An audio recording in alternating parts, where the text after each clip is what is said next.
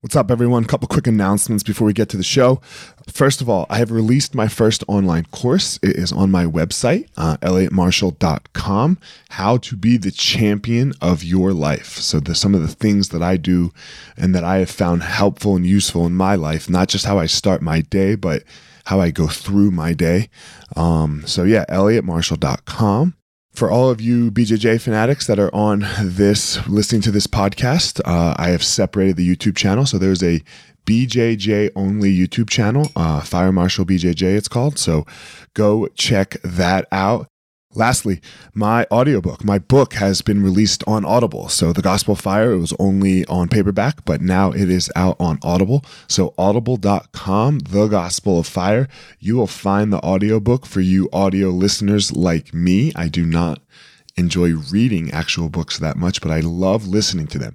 So, uh, audible.com, The Gospel of Fire. So, three things the book, the YouTube, and the course. Go check them out. I'm always here. Whatever you need, hit me up. Fire Marshal 205 on Instagram. Talk to everyone soon.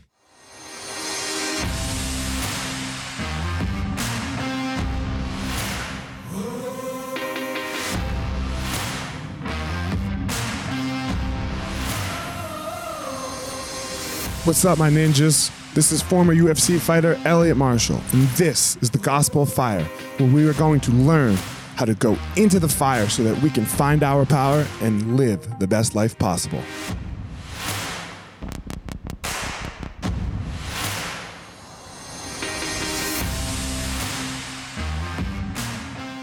What's up, guys? This episode of the podcast is with Laura Sanko. Laura is an MMA color commentator for started with Invicta uh, then on to the Contender Series, which she still works the Contender Series with the UFC, and now on with the LFA as well. So we had a great talk and really interesting to hear what her goals were and what she some of her fears were in this industry and how she how she came to realize what what is her power and what is the thing that really makes her be who she is. So um, I hope you all enjoy. I thought it was amazing. Uh, without further ado, here we go, Laura Sanko.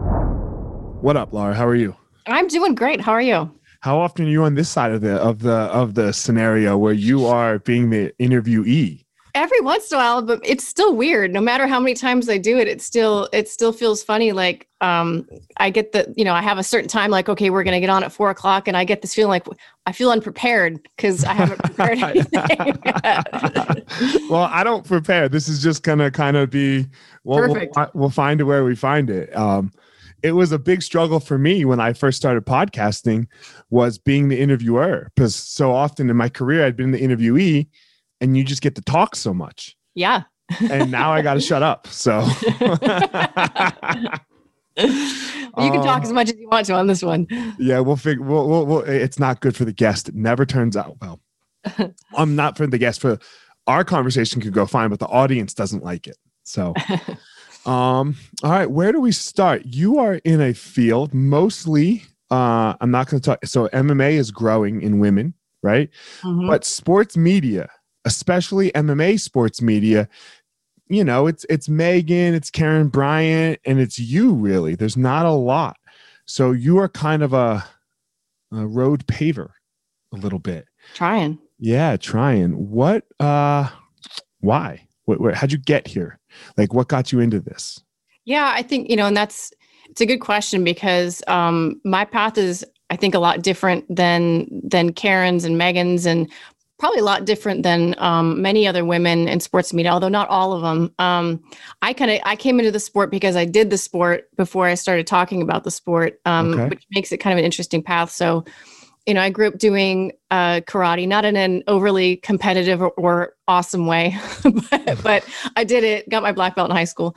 And then um, I found MMA after college and just started training in 2007 for the love of training, for the challenge of it, for honest, the psychological benefits, to be honest with you, is kind of a, a saving grace for me for some stuff I was going through at the time. And then I'll, I'll, I'll shorten the story, but I you know I was at a gym that was like super competitive, and so I kept getting goaded into like oh just you know just have one amateur fight, just try it, and of course, as you know, that first taste of like subduing another human being with your mm. hands is It's the greatest drug in the world. It's the greatest drug in the world, and I, I couldn't couldn't get enough. I was chasing that dragon ever since. So, um, I had seven amateur fights, went six, seven or eight, six and one as an amateur, I think, and then uh, I went pro and fought for Invicta, and I had in my head that that was going to be my path. Like it's it's always interesting to me because Paige VanZant and I both had our pro debuts on the same card on the same night, and like to see kind of I'm a lot older than she is, but you know, kind of see w- where she's ended up, and it's absolutely incredible to see, you know, the, the,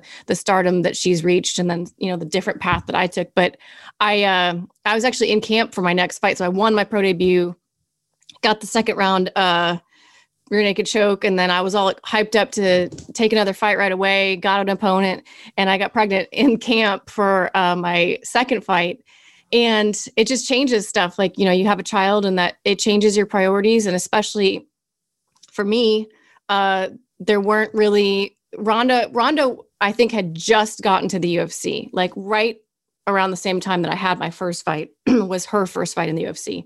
So we, we weren't quite sure what she was going to turn into yet. But again, to make a long story short, there was never a home for people in my weight class. So when I got pregnant and I became a what, parent, what weight class were you fighting? I was at an atom weight. So, so you were light. 105. Oh yeah, yeah. Okay. Yeah. There's still so, not a home. There's still not a home. Exactly. So a lot of people ask, well, why did you never return to fighting? Well, I didn't return to fighting because, you know, I, I admire the women who are able to have kids and return to their fighting career. That is, to me, that is absolutely incredible.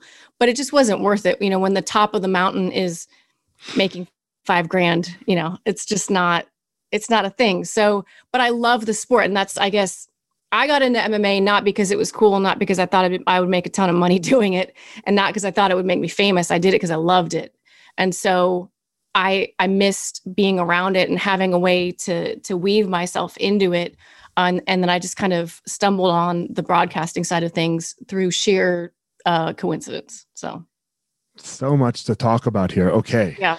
So first, where did you grow up? Where did you start this journey? Yeah, I was in Peoria, Illinois, and lived there until okay. I was seven. So Midwest girl, and then moved to Kansas City. And pretty much, I mean, you'd say I'm from Kansas City. I from seven okay. on. Uh, I lived in Kansas City. I had two year two years where I lived in New York City on my own, and then I had about eight months I lived in Orange County. But other than that, Kansas City. You're Jeez. a Midwest girl, and when you yes, moved to, did have you always been with Glory with with James Krause? Um, for the most part. So yeah, I was with the earliest version of Glory, which at the time okay. was called Grindhouse. Um, before James was a coach, he was my teammate, and I would love like I would love to get the old gang back together and just at some point like, and I mean that in like the nicest way possible because seeing what he has achieved both personally and professionally is incredible. But it's like I feel like people would appreciate it more if they knew what he was like back then because uh, he's just he's changed and grown so much and it's really cool to see him evolve as a person and go from being like a teammate that kind of like wouldn't give me the time of day to this uh, incredible coach and and one of my dear friends so it's interesting how the fight game uh, i can only speak from my experience with the fight game sure. and my own personal insecurities that i had when i was a fighter and how that they how they have honed me into who i am now uh and I guess I, I, wish I wish you could sometimes get a restart with some people that you met during your early fight career, right? Because yeah. the fight the fight game is so brutal. Yeah. no, it's it's it's incredibly brutal. It um it breaks you to your core, right? And it, it can sometimes not bring out the best in you. Um, but it can bring out but it can then on the flip side bring out the most amazing in you as well. So yeah, it's I such think, an interesting thing. I think uh I think all of us, whether in the fight game or not, have insecurities. But I think in MMA, they're they're so quickly brought to the light and they're so laid bare that you pretty pretty quickly are stripped down to like um, the reality of who you are. It, and, and I think that's what makes it so attractive and so hard, right? Like you have these moments where you're just stripped down to um, are you are you courageous? Are you not courageous? Are you an asshole? Are you not an asshole? Are you willing to work hard? Are you're not willing to work like it's so um i guess i don't know what the right word is. It's just this it's this it's litmus raw. test it's raw for raw. Yeah raw is the right so word. raw like there's no lying. The cage shuts right? And whether it's practice or whether it's the real deal, there's no lying about today. Like Yeah. whatever happens in there is the truth that day. And Yeah. you can't and and you can't run from it. Like Conor can't run from what happened with Poirier. Yeah. And and that happened with millions and millions of people watching. And uh you in your you know, I've never, I haven't seen your fights, but you on those days You're not you missing a lot. well, me either. I mean, I won. I won, but Yeah. they weren't pretty. right, but you couldn't run from who you were in that day. Mm-hmm. and it, it just shines so brightly like your character everything Yeah. and it can if you can't handle that it crushes you and you see it crush a lot of people um, so you said you got into martial arts because of some psychological issues Um, What were, can do you mind me yeah, no. I don't mind talking Yeah. about it. Um, Yeah.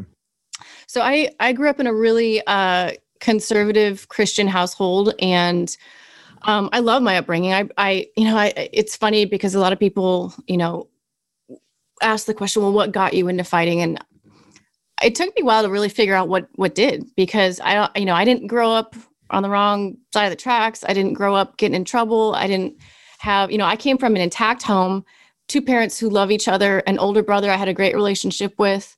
I had a good relationship with my parents. I made great grades. I was homecoming queen and salutatorian and like all these things. Um, honestly, I was kind of like little miss perfectionist. Not that I was perfect, but I was always trying to be perfect. And what attracted me to to MMA was actually what you just said. It was like the opposite, where I felt like a lot of the things that I had succeeded at that point in my life in doing were partly because I had been helped by either who my dad was or maybe I got an opportunity because my parents, like maybe I went to private school. I mean, clearly I went to private school because my ha- parents had the money to send me there, right? Or, and maybe I got the job I did right out of high school because my dad called, called a buddy his and was like, hey, my daughter needs a job, you know? And, and of course, as a parent, you want to do those things for your children. I'm not mad that that happened, but I just always had this feeling like I had never 100% earned something for myself, that it had been kind of helped or given or, you know, not just me. And so I actually think that that's what attracted me to MMA because it was so counter to how I'd grown up. But to answer your uh, to answer your question, when I went to college, right out of college, um, I got married, and it, it's kind of a strange thing unless you like grew up this to way. your, to your current husband or not your current no, husband? no, I'm getting Okay. there. So, like, in the, you know, it's never, I grew up in like a very normal, I didn't grow up in like some weird cultish family, but like the religion was a big part. Going to church, youth group, all that type of stuff was a big part of, of my life. And whether explicit or just sort of implied, and it was more implied, the goal when you're a young lady growing up in the church is not necessarily career. It's like you want to have a family and you want to be a good wife and you want to be a good mom. And those are all wonderful things. And those are all things I want to be. But it was like that became the goal, right? So I was in a relationship and it was good, I thought, and different than the guys I dated before. And we got married and um, it was an absolute disaster, absolute After. clusterfuck. What made it so? Uh, well, so what happened was I, we'd only been dating. He's 13. He was 13 years older than I am, which is honestly funny because my current, my actual husband is 13 years older than I am as well. Must be, must be a thing for me. Um, Yeah, different stages of life though. Th- different stages of life. Like, when you're 20 and 33 Yeah, yeah, versus 20, 30 20 and 43 let's say, right? 23 and 36. Like, that's a big difference. Mhm. And but I didn't see it that way. And I've always been kind of the more mature end of things anyway. Um, we worked together. The problem was I moved in with him so quickly that, and we worked together. So like our lives were very parallel. He knew all the people I knew, and we went to the same places, and like our lives were so parallel. And then as soon as we got back from our honeymoon, I had taken a new job, and I started, you know, I had other people I was exposed to through this other job, and he started this is going to sound really strange but he started stalking me like I, I would look out my window and i'd be at a, at a meeting and look out the window and he'd be like driving past. And he put he put software on my computer and like on my phone and was uh tracking my every move. Yeah you got to go. later. And yeah and and like i i could go into some he, it, it got Mhm. bad it got really bad. Mhm. so i was married six months which is i feel like shouldn't count. Um, I like to think it doesn't. Uh, and but but when you when you grow up the way that I did, uh, that's a major fuck up, right? Like that's the marriage is the one thing that you don't fuck up, and I did, you know, and I had really kind of succeeded at everything else up to that point, got great grades and graduated college with incredible accolades, yada yada yada. Uh, so it just really um, it was just a it just It mentally yeah, it just really messed with me. And I felt like a failure for the first time in a long time. Not that I hadn't failed at things before, but this was like a big thing, right? Um, and so I just, who you are. It touched what you were supposed to do. It sounds like, right? Like, sure, okay, Yeah. you lost the game. Okay, great. You maybe you had a bad score on a test. Okay, great, Yeah. right? But you come back and you're overall at the end of the day.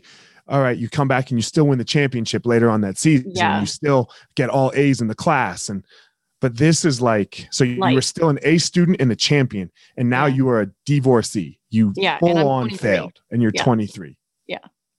exactly. Um, so I just, I, I couldn't, I couldn't figure out how to deal with it. And I was kind of spinning and just felt lost. And, um, I remembered like in high school that, uh, I just had really enjoyed the physical outlet that karate had been because I never really was athletic. I'm still not athletic. Um, yeah, me either. I just I just try hard. Yeah, I, I can I can outwork it. I can- yeah, I can get a little bit I'm of that. scrappy and I try exactly. It Like, I try hard. touch a little bit and show me. Yep. uh, so so I I thought you know what I just need to find something to pour myself into again, but I wanted to do something that was a little bit more physical than just the punching at the air and doing forms and stuff. And I so I just kind of stumbled on MMA and immediately fell in love because I found that unlike running where you're just left to your own thoughts on like lifting again left to your own thoughts. Uh, i needed to be i needed a physical thing um, where i literally couldn't think about anything else for that hour or two hours that i was doing it. And you do that long enough and like you're done with the session you think man i haven't i haven't thought about how shitty i feel about my life in two whole hours and my brain just feels 10% better. And the next day it felt two 12% better. And then you know it just gradually gradually you're like okay i got this so it, it was it was definitely a uh and it, it was that other it, mma was that for me way for me at other difficult points in my life too it's like the best um medicine i think Yeah. For me, martial arts has always been the medicine. Um, yeah It, it, you know, I, I'm- I'm a lot. I was a lot like you in the sense two parents loved me, yada yada. Right? Like, sure, I'm I'm good, but it, but to say that it saved my life, I would still say that it saved my life, in the Yeah. sense in the sense that when it at my darkest times, it what was it's what was always there, and still it continues to be. Yeah. and I think it is that for a lot of people. Uh, I think it's because it puts us in a moment like when Mhm. let's like that what you were just talking about is like you don't you don't have time to think about okay i'm divorced i'm 23 i had to move out i had to get my own place i lost half my money but but right? All, all of this nonsense that was going on. Yeah. you only have time to think about this punch that's coming right at your face right now right? Like Yeah. you're like oh gotta slip. So it does what we're all searching for which what all what all the religions and all the the books they try to tell you to do is find the present moment. And when you're doing fighting you are nowhere but present. Exactly. You have to be. Because it's hard to I, i've always found meditation to be kind of hard. I, I i enjoy it and i try it but it's it's not an easy practice for me. Um but yeah I, i'm able to be present when i'm rolling or when i'm you know learning or striking or whatever it is. It's it's a different it's a different deal. For medit you know what somebody told me to help me with meditation? Just set the timer and fucking lay there and breathe. Yeah. And then you're successful. That's it like because everyone tries to be like oh no thought and oh go this and all that right? Fuck that. Just set the timer lay there and breathe and then at the end of the Yeah. timer get up and go. Like and then you'll just get more skillful at it. You know? You'll mm. so yeah i feel you though. It's hard sometimes. It like is. sometimes i can talk like i like to call it talking to god. I can talk to god and i'm like but i'm not very religious but like i believe there's something out there Yeah. energy you know and i'm like god damn fuck yeah that was amazing and then i want that and then i start chasing that and the meditation goes away. sucks Yeah. sucks and i'm like oh i get so mad at myself yep so you have your fights and then you're pregnant hmm right um what was that decision like right like um are you married now again or are yeah you not yeah married? yeah no yeah Okay. no i'm i'm married again at this point Okay. and to, to your current husband yes yes okay right Yeah. And uh, it wasn't really a decision. I had uh, I had my weight cut for my previous fight had been really really hard, and this was back in a time when, again, the guys on my team. Yeah, we didn't know what we were doing, and the guys on my team definitely didn't really give a shit about women's fights.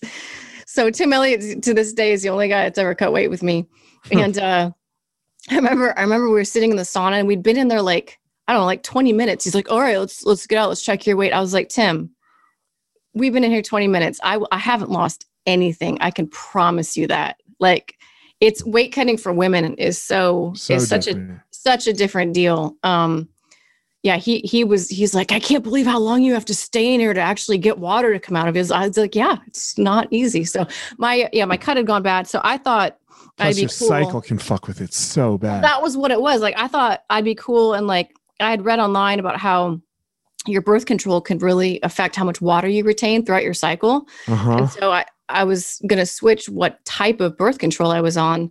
And I thought I had like done the math on the switcheroo uh, and yeah, the switch. Trying to play doctor. Yeah, I was. I was. You tried the- to play doctor and it didn't work. yeah. So it was, um, it was, it was, it was a mind fuck to be honest with you, because I went from like, I had this, I'm going to be an athlete. I'm going to be a fighter. I was in the best physical shape I've ever been in in my entire life to this like potato that's so I'm gonna be a mom and my boobs are like huge and gross and you know I just I went from 105 pounds to 100 you know 50 pounds at not eight months pregnant. And that's weird. It's a really weird thing to deal with especially when you're not planning for it. Um but you know I do you have kids? I have two little boys yeah. Yeah not, so you know not so little about. anymore yeah. yeah. You it, everything changes when you have a little when you have a little human. So although it was a really difficult identity crisis for me it was also like oh my gosh this is this this is what i want to do. You know i want to be i want to be this this little guy's mom. And because fighting was never uh, about paying bills for me it just didn't make sense for me to spend all my thoughts and all my time pursuing a fight career that was going to go nowhere you know? I hope i hope nobody's fighting is about paying bills because that's rough. Yeah. You know that's fucking rough first yeah. of all. And second of all if it is about paying bills like you just you it, it it's too hard. Yeah. It, it's too hard. It, it's you you can't do it. It because i mean i would say it's go sell drugs. Like yeah. go go you know like go sell drugs and do porn and because that like like that is just like a better way to like if that's why if you're doing it to pay bills yeah. there's so much better ways to make money. And, and, like so and i just use i use i always use those two they're crazy. But like it's true. well so is fighting. fighting. other human beings. Yeah it's better than fighting. It's better than fighting. So don't don't fight yeah. to pay bills. It's crazy it's a very it's a very tough yeah it's you gotta you gotta love it you gotta love mm-hmm. it for a mm-hmm. reason that doesn't involve money money's great but man because even oh even in the ufc you know you're not eh, unless you're at the top you're not gonna make you're not gonna make a lot of money it's just not that's not how the sport is right now and maybe it will be one day but it's not there right now even when you are at the top most likely look Demetrious johnson might be we, we are talking about dj as one of the best pound for pound fighters ever like a goat goat status mm-hmm. right he's definitely the best fighter under 155 ever. He don't have enough fucking money to live the rest of his life if he stopped right now. No. no. Like five people do. Yeah. You know, five yep. people do. And even if you make, you know, okay, you made 2 million bucks. You have 2 million bucks at the end of your fight career and you're 40. Yeah. You got a problem. If you don't have anything else, you have a problem. You know, because 2 million bucks. And, and, and, go ahead and not everyone you know even if you know the sport not everyone is suited to be a coach. Not everyone is suited to own a gym. And not everyone is suited to be a broadcaster. It's and those are like the obvious like oh i'll just i'll just go be a broadcaster. Or i'll just go be a coach or i'll open a gym. Those are like the three obvious ones. And both all three of them are really hard. And harder than they might seem i think. I have seven gyms yes yeah, I know. Again, that's why I'm, I'm yes. yes, I know. so hard. And coaching yeah. is so hard. It's yeah. so difficult. What was your path to the broadcast though? So you stopped fighting Yeah. Did, so did you get a normal job first, or did you? No, no. Okay. I I had had a career before in venture capital. So Okay. While I was training, coming up, and while I was fighting amateur, that I had this career at the time that was in early stage venture capital and startups, which is what brought me to New York. Um, and then uh, no, I just Shannon Knapp, the woman that uh, owns and started Invicta, Victor. called me out of the blue one day and she said, Hey, Marloes Coenen is going to be at this show coming up, and we don't really have a sideline reporter or anybody to interview her. Would you be willing to do it? And I said, Well, yeah, but I mean, I've never. I've never held a microphone before. I've never talked to a camera before. She's like, Well, I think you'd be great at it. So I think you should do it. And I was like, All right. and I did. Um, and it was good. But it's not like she goes, Oh my gosh, you're the most incredible thing ever. Will you please come work? It just, it kind of became um, uh, several months later, another random phone call from her. And she said, Hey, we're thinking about uh, kind of splitting up the color commentary role and having a separate person to do the sideline reporting as well as the post-fight interviews in, in the octagon would you would you want to do that? And again i'm like shannon now i've talked on television one time for all of two minutes. And that uh, was for you, and you got to see it. yeah yeah. And uh you know not it's not like it's nbc but it's live on fight pass at this point. So you know uh but she she uh felt confident that i could do it and just kind of threw me into the deep end and it was cool because with zero and i mean zero experience you know i'm i'm working with michael Schiavello and and julie kedzie and uh live live fights and live interviews and just kind of very quickly trying to figure out how to do my best at the job. And then a few years after the UFC kind of found me because of Invicta's presence on Fight Pass. And I think it didn't hurt that uh, Tonya Evinger throat punched me with her tongue on television. I that I was right about this. yeah. So Tonya Evinger uh, won. I think it was the. I can't remember if it was a title defense, but I don't know if it was the first time she got her. It- I think it was a title defense, if I'm remembering right. But for for Invicta. yeah, Okay. and uh, she's she, she's a gamer. That's kind of Uh-huh. her thing. She likes to try to flip girls. Uh, So what'd she, do? She knows I'm not gay, and like she knows we weren't. I'll put it this way: we were friendly, but we weren't like super super close. But she knew me well enough to know that I would not get overly offended by this. But when we finished up our interview, and I was like, "Ladies and gentlemen, Tonya Evinger," she just goes, she just grabbed the mic and grabbed my head. She's like, "I want to win moment of the year," and she just grabbed my head and just like You guys made out. Kiss me. All right. I mean, I wouldn't say we made out. I feel like that's a little bit of an exaggeration. but it is funny because-? Well, no, unfortunately. What's funny is uh if you watch the whole video at normal speed, I'm like, she kisses me, and then I'm like, oh God, you know, ah, and I'm laughing, Right. whatever. But if you play it slowly enough, and there's a few shots where like she's coming in, and I'm just like, ah. it looks like I'm very ready for it. I'm not ready for it. Look, but it was quite the it was quite the moment when it happened. And I think maybe I don't know, I'm pretty sure the UFC well, like, and that's therefore the. UFC, yeah. That's hilarious. I've like this woman can, this woman can get harassed and not have a problem. not have a problem. Let's bring her in. I'm pretty unoffendable. Yeah. She's in. So where does that take you? Does that take you to the contender series? Is that what you no, went right away? that- and that's so funny that you say that because a lot of people think that that was my first gig with the UFC, but I, I was with them years before. Yeah. Okay. Um, so I started doing fight nights, uh, 2016, 2015, somewhere in there. I'd have to look it up. Um, okay. and it was when they were starting to really up their schedule and Megan Olivi and and Heidi Androl is still another backstage reporter that the UFC uses. Um, she also does boxing, but Heidi was on maternity leave, so there really was no backup for Megan Olivi. So it was just really good timing that they needed another person, but they didn't need me all that often. So I think my first year I probably only did like six shows, but Mhm. um, yeah, I, I I've I've been doing the back on it was on Fox then. So I've been doing the backstage Fox reporting for a couple years and then they called me about doing contender series and man, I love that show. Love that What show makes you so love it? Oh, the moment. Like it's so different. You know, holding that ESPN mic, being on ESPN is super cool.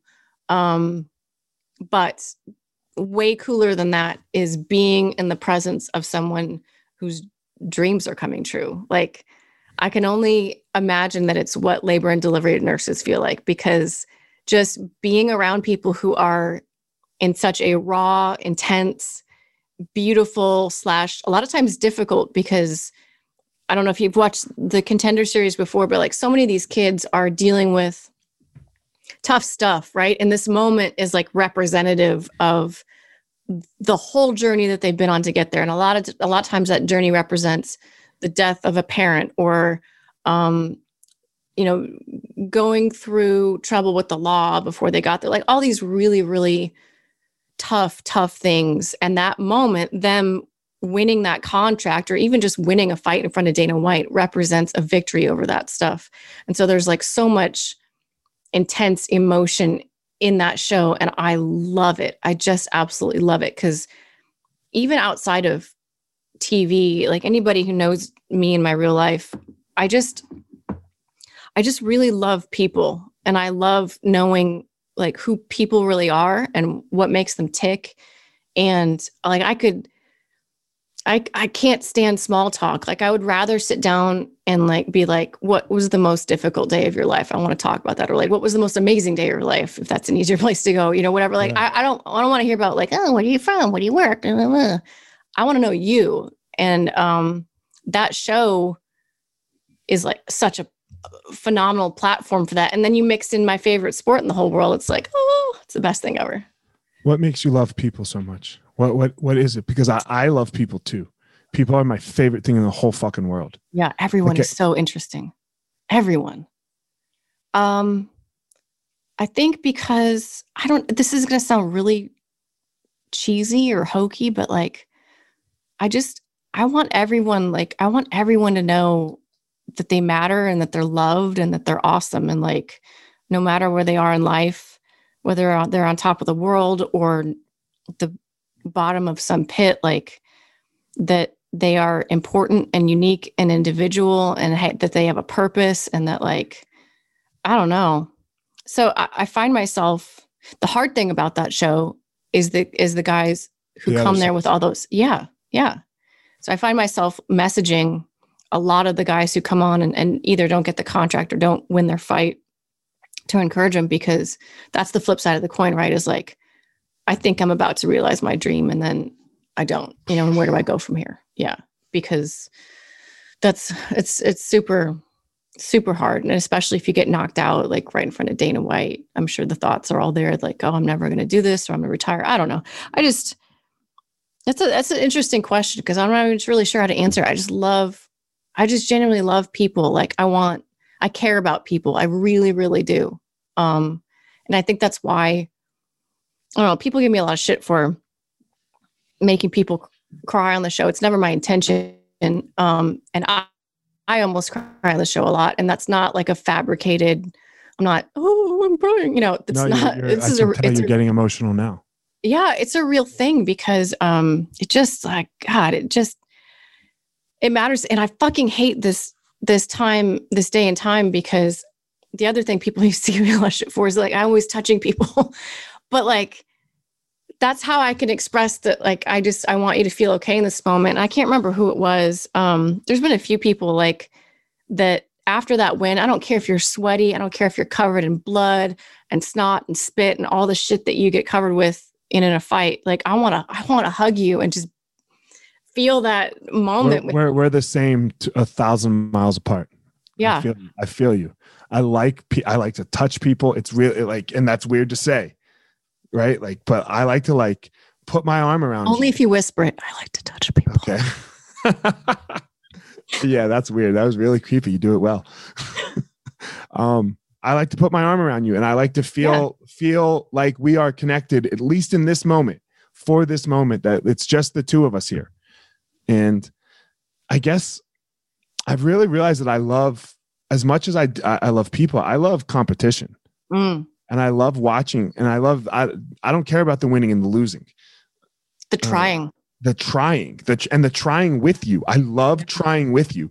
And I don't care if it's my 7-year-old's basketball game or if it's a UFC title fight. I it I don't think the feeling is different for me. I love to be connected to you and I love to like make the walk with you. It's so much fun to me and it means so much and I can't yeah. I've been really trying to think about this. I don't know why uh, I don't know why I love it so much, but I just fucking love it and I love who I do it with. Yeah. You know, and it must be such a raw like fighting is so raw. So you get both ends of that, right? Which is it's an emotional thing for you. I can tell, right? Like you it got is. like because you see you you talk to this one person who you're really happy for, and then you just turn your head over there. Yeah, it, that person's dreams are crushed. Yeah, you know, especially back uh before COVID when we'd all be at the same hotel and like everybody's kind of getting back and one guy's having drinks at the bar and buying shots for his friends and one guy's got crutches and he's going back to his room, you know, like and sometimes the difference between those two things is just a fraction, fraction of an inch or, you know, a fraction of a second, slightly different, and they'd be in the opposite position. It's a fraction of a second that then just compounded itself. Yeah. A fraction of the second, you could just be a fraction of a second late all the time. Mm-hmm. It's not much. It's real. It's not a lot, but that uh, that little bit turns into so much, and that's that's the beast of fighting. And it's what's fucked up is it's coming for everyone. Like mm-hmm. I don't care who you are. Like uh, Khabib got out unscathed, right? And so far, Jon Jones has gotten out unscathed, but that's it. But he's not out. Yeah. Right. He's not out. Like you look at somebody like a Ronda, Ronda couldn't come back from it. Yeah. Right. She couldn't true. come back from it. It's she. She, it, it touched her one time and it ruined her. Yeah. You know, and it can do that to a lot of people. It's it is it is fascinating to see. And then there's like the guys where the the drug is more powerful than than the beating. yeah. You know? And they and stay like, too long. Yeah. And that's uh, that's tough to see for everybody. You know, it's tough from like a fan's perspective. It's tough from someone who you know cares about the fight or whatever the case may be it's just a it's a it's a brutal sport it's a brutal that's why i'm i like to laugh like everybody has I, have a pretty good sense of humor but i don't ever i don't ever like the uh the memeing of you know, even if you think like, oh, Conor's got hundreds of millions of dollars, he's untouchable. Like we can we can make fun of him all we want because he's got this perfect life. Like I I will I just I'm not ever like a um let's make pictures of him sleeping various places because you know I just I just don't ever I'm not cool look that. it's not good for us. You can yeah. have a hundred million dollars, but if you have a hundred million dollars in CTE ten years later, yeah, you, you would trade your hundred million dollars in for no CTE. Yeah, and I would I would venture that most of the people sharing or creating that stuff, you know, the poster behind you speaks to those people, mm. right? Like, are you the man in the arena? Because if you're not, you shut the fuck up. nobody, yeah, no, no, nobody who walks into the arena makes makes that stuff. Yeah, because uh, it's too scary. You're too scared. It can so easily be you, mm-hmm. right? It can just so easily be any single one of us. And again, fighting is so raw that it makes you realize that piece of life, right? It could just be you so easily. And no one is afraid. I mean, man, woman, regardless of age, none of us are afraid of of getting hurt. We're not afraid of pain. You're afraid of humiliation, or at least I always was. Like yeah, that was yeah. my biggest thing. I just let people down. I don't want to look stupid. Um, and you you can. It's easy to, you know. My my one loss, I got knocked out. Like it's it's not a fun, not a fun feeling. Nope. And it doesn't go away tomorrow. And it doesn't go away the next day. And it's not away the day after that or even the week after that. It's this black cloud that looms over your head, really, until I don't know, probably the rest of your life. like a little bit. There's a little bit of a rain cloud for the rest of your life around surrounding that moment. Mm-hmm. And hopefully you can get through it. Um, but that's uh fighting's a beast. Fighting, it's I don't recommend it. I don't recommend it to anyone. Yeah. You better you better really want it. When you dream big for what you want with with your career and things like that, right? Like what what does that big dream look like? Hmm. Uh, I have a hard time articulating this because uh, it it makes me feel very makes me feel very uncomfortable to articulate it, but I will uh, because Oh, well, just honestly, for the same reasons that fighting is scary. I don't want to say it and then either have it not come true or say it and uh, humiliate myself somehow. But yeah, my my my dream is to is to do color commentary in the UFC and be not the first woman because there was a woman on UFC one, um, but she didn't say much. But right. be the first woman uh, in the modern era to to do that, and uh, it's it's very much an impossible dream for a number of reasons. But uh, I, it, it is what it is, and that's it's what I like to do, and it's what I want, and it's what I have my sights set on, and it's what I'm working towards. Why is it? Why why why do you? What's what's humiliating about it? Can I ask? Uh the perception that because when you look at the guys who have that job, um, DC, you know, Paul, Dominic, uh, Bisping, those are the main ones, right? Um, Dan Hardy, I don't want to leave him out because I think he's incredible. All of those guys have accolades. Not only do they have have they fought in the UFC, which I have not, um, they have way more fights than I do, and some of them have belts and if not belts then top contenders you know in various eras whatnot um, none of which i can say that i did uh, and it sucks because uh, you know i think it's it's a big part of the reason why the the powers that be are reluctant to put me in a position where our opinions would be held hopefully with the same credentials you know that, that people would you know if laura says this and, and someone else says this oh she's got this opinion he's got this opinion. Maybe maybe they're the same opinion maybe they're differing opinions but they don't want to i guess the, the the credentialism behind it right? Uh i don't have a long i don't have a long resume but i do know the sport inside and out and i feel like over time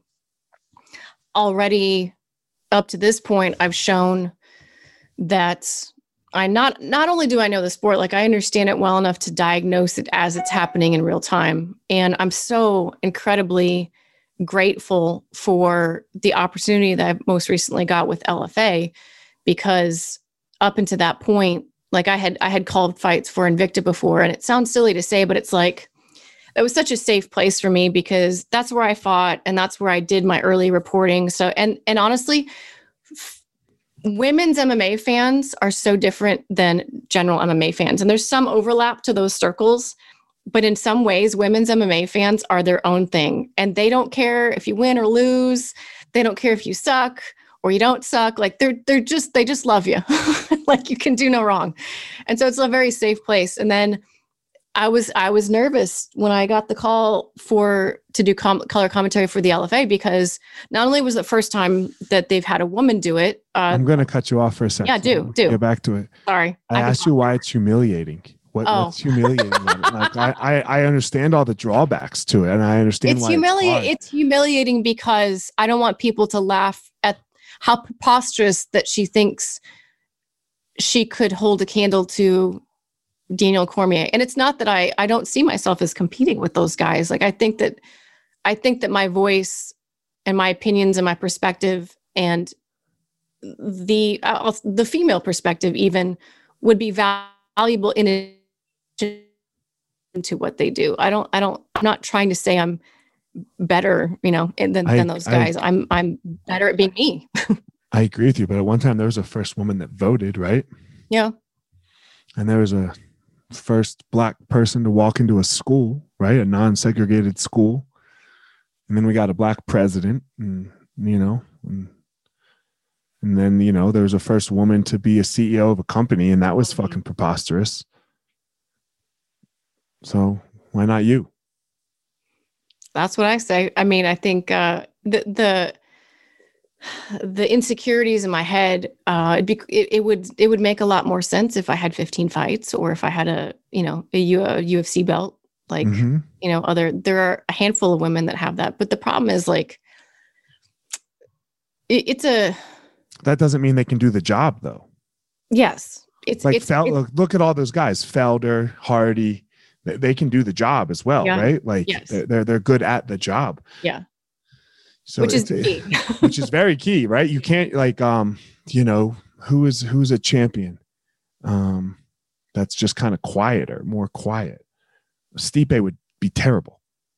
He just doesn't talk very much. Yeah. Right? Like he's a yeah. he's a quiet guy who sticks to himself a little bit. Fire, you know, Shane Carwin would be fucking yeah. awful. Like, you know, I, I know Shane, he's, but he's, it's not him. So that like, there's another piece to it. So mm-hmm. I, I, I just don't, I mean, it, it, touched my heart a little bit that you said you were humiliated. Like I'm that. not humi- I'm not, I'm not humiliated. The, the, the risk of being humiliated, right. the, the risk of feeling humiliated is there. And I'm literally like in the process this last six months of of trying to just not care about that because even even the you know even the people within the UFC there are people that are su- very supportive of it and there are people that without saying it have kind of said we, we would never do that. Fuck them too. Right? so dana dana said there'd never be a girl that fought in the ufc and then at one point the the girl was the most famous yeah. fighter in the ufc so yeah. fuck them too. Yeah. I don't know. I mean, this is the first time we've talked for more than 15 minutes over Instagram, but I don't, uh, man, it, it broke my heart a little there. I want like, fuck it, girl. That means you got to go. Yeah. You know, that means you have to try it. And yeah. if you've, I, I would bet to say that everything you failed at and just fell flat on your face, like made you a little better.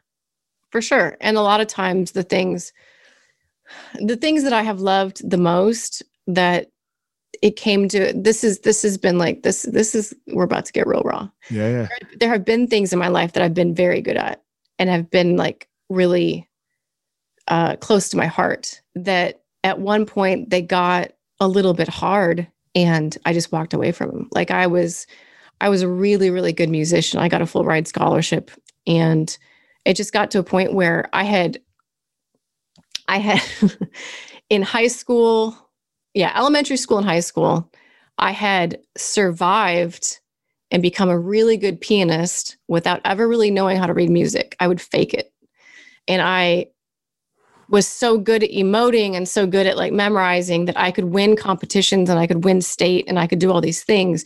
But you couldn't, I can't, you couldn't put a piece of music in front of me and I couldn't bust it out like a lot of people could at my level. Like I could play Rachmaninoff, but I couldn't read I don't know a good example, but it, it, the levels just were memorize just, Rachmaninoff. You didn't know how to read the music and play the music. Yes, but I could play the shit out of it.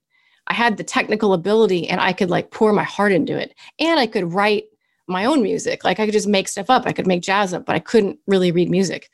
So, but I won a scholarship based on my audition, which was of course just performing pieces. And they were like, "Oh, this girl's great. Let's give her a full ride scholarship." Then you get to college and oh, by the way, when you're a music major, you probably need to read music.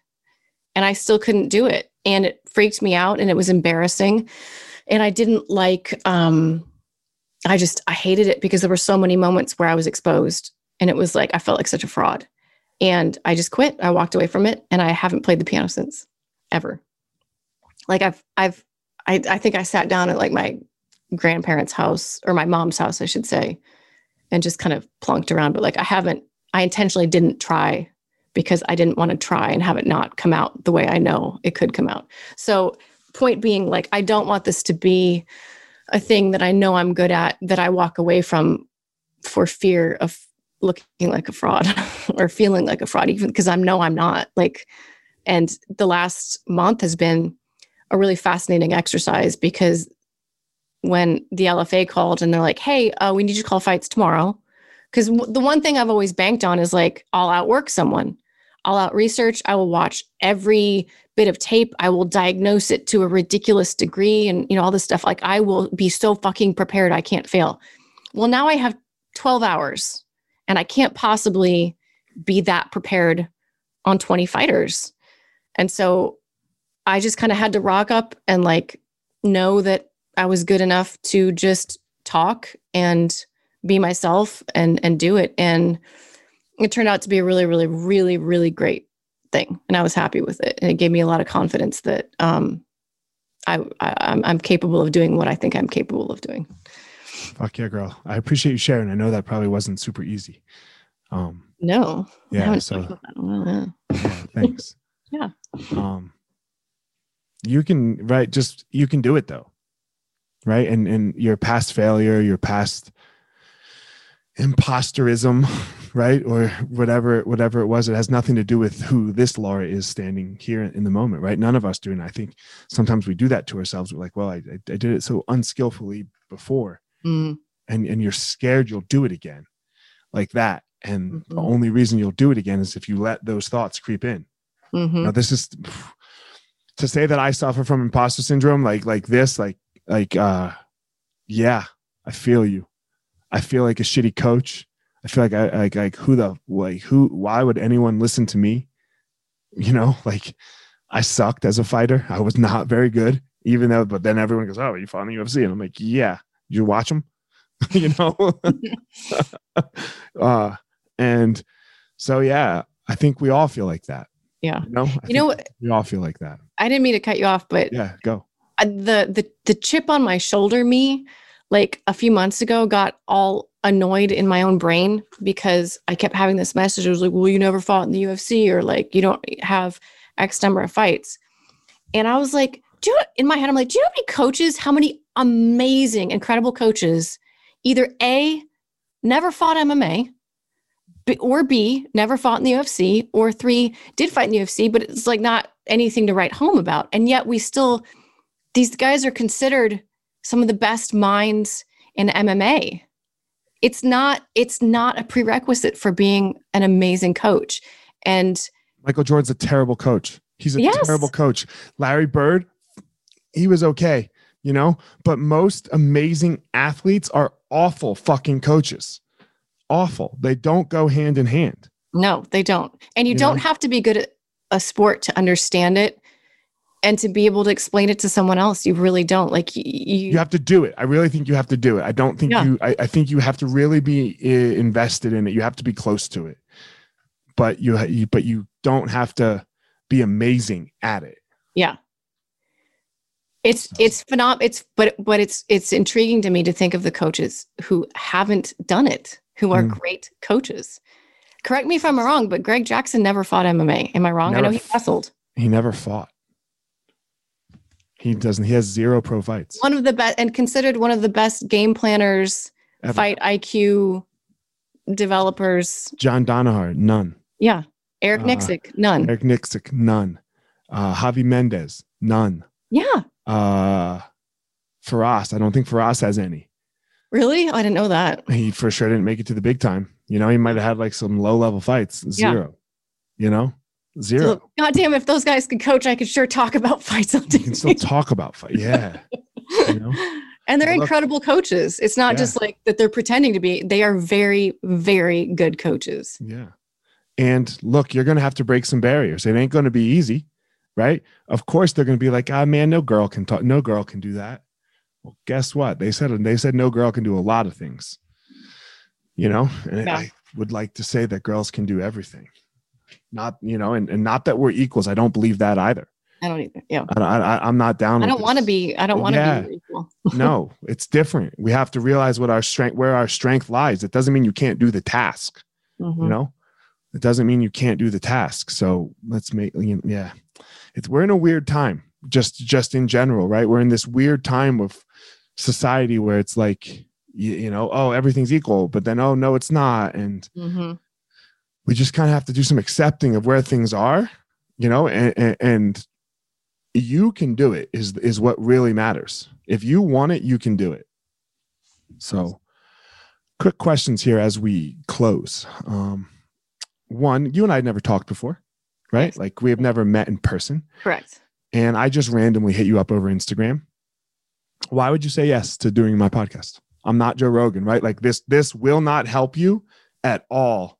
Uh reach reach your goal right? Like like I'm, I'm just not big enough right? Like rogan's big enough. Ro- rogan Ro- rogan's got all of dana white's numbers right? Like you know be like no, I I knew I knew your reputation. I knew you were a fighter, and I knew uh, I had list I had heard some clips of the show before, okay. And it was right up my alley in terms of like the type of discussion that I enjoy having.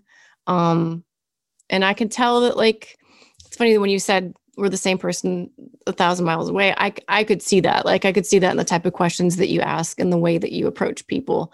So that was it. But really, um, the biggest thing was I I knew I knew you were with it. Like I knew you were in, in the game and and wanted to. Why did you want to talk to me?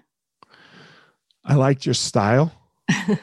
um, it's a good question. I liked your style. Uh, I liked that you were in the game, right? Like I was like, I, I was like, oh, she she does martial arts. You know, she does martial arts and she's trying to take this route. Um, I am a black Jew, so I have lived this other life Mhm. my, my entire life. Uh, so you being female and trying to live this other life, I, I want to give it a voice.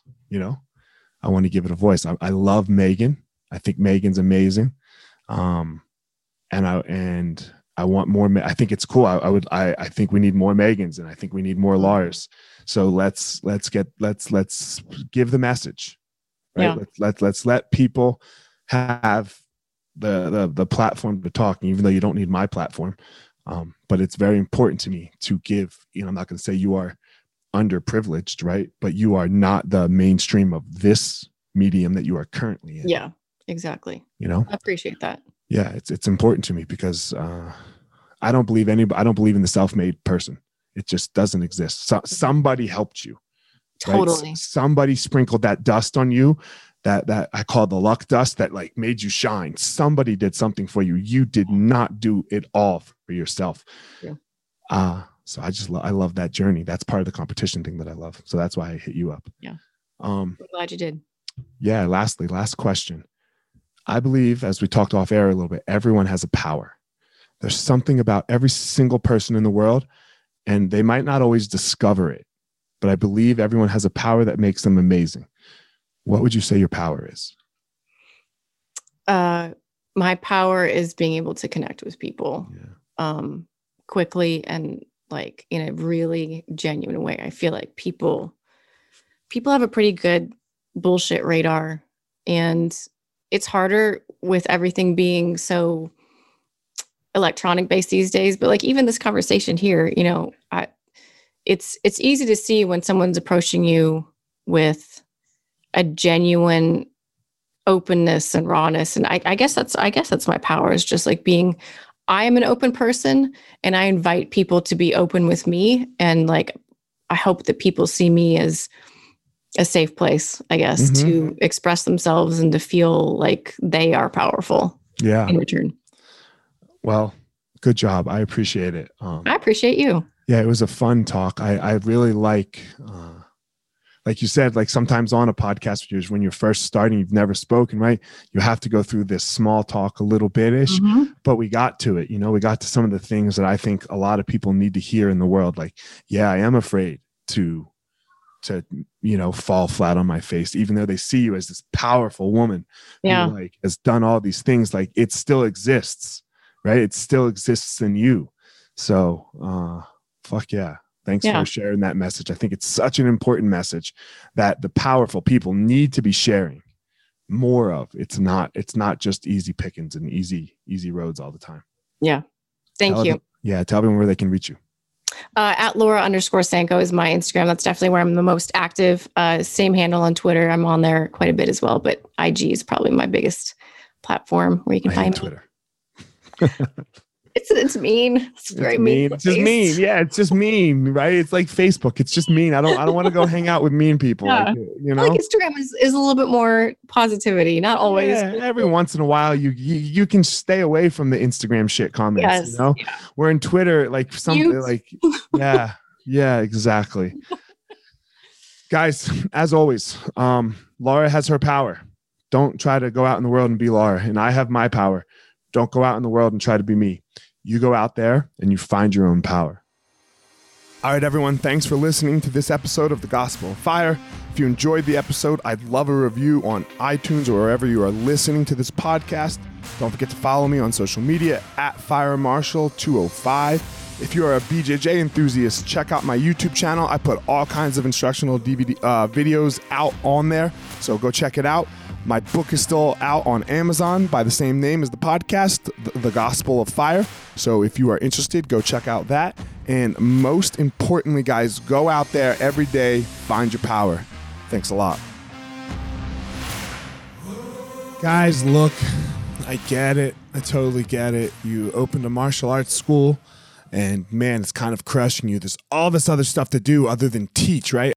You love teaching. You love jujitsu. You love Muay Thai. You love karate. Whatever it is you're you're teaching.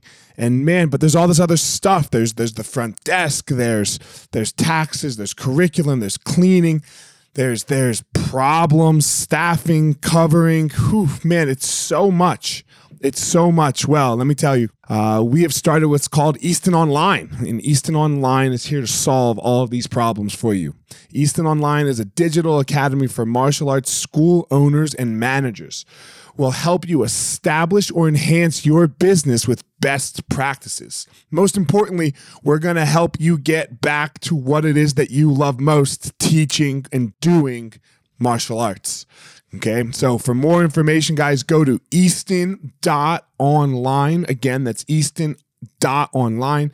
Add your email. You're going to get notified about the course launches. Our first course is going to be all about the first impression specialists, your front desk, and all kinds of stuff, special offers, promotions, as well as we started a podcast by the same name, Easton Online, that's going to talk about our process of how how we went from a tiny little martial arts school to what is now seven martial arts schools, seven Brazilian Jiu Jitsu Muay Thai schools, um, in a very holistic way that we believe um, kept the integrity of the art and also deals with its people very well. So again, Easton.online, enter your email and you're gonna get all you're gonna get everything you need right there. So thanks, guys.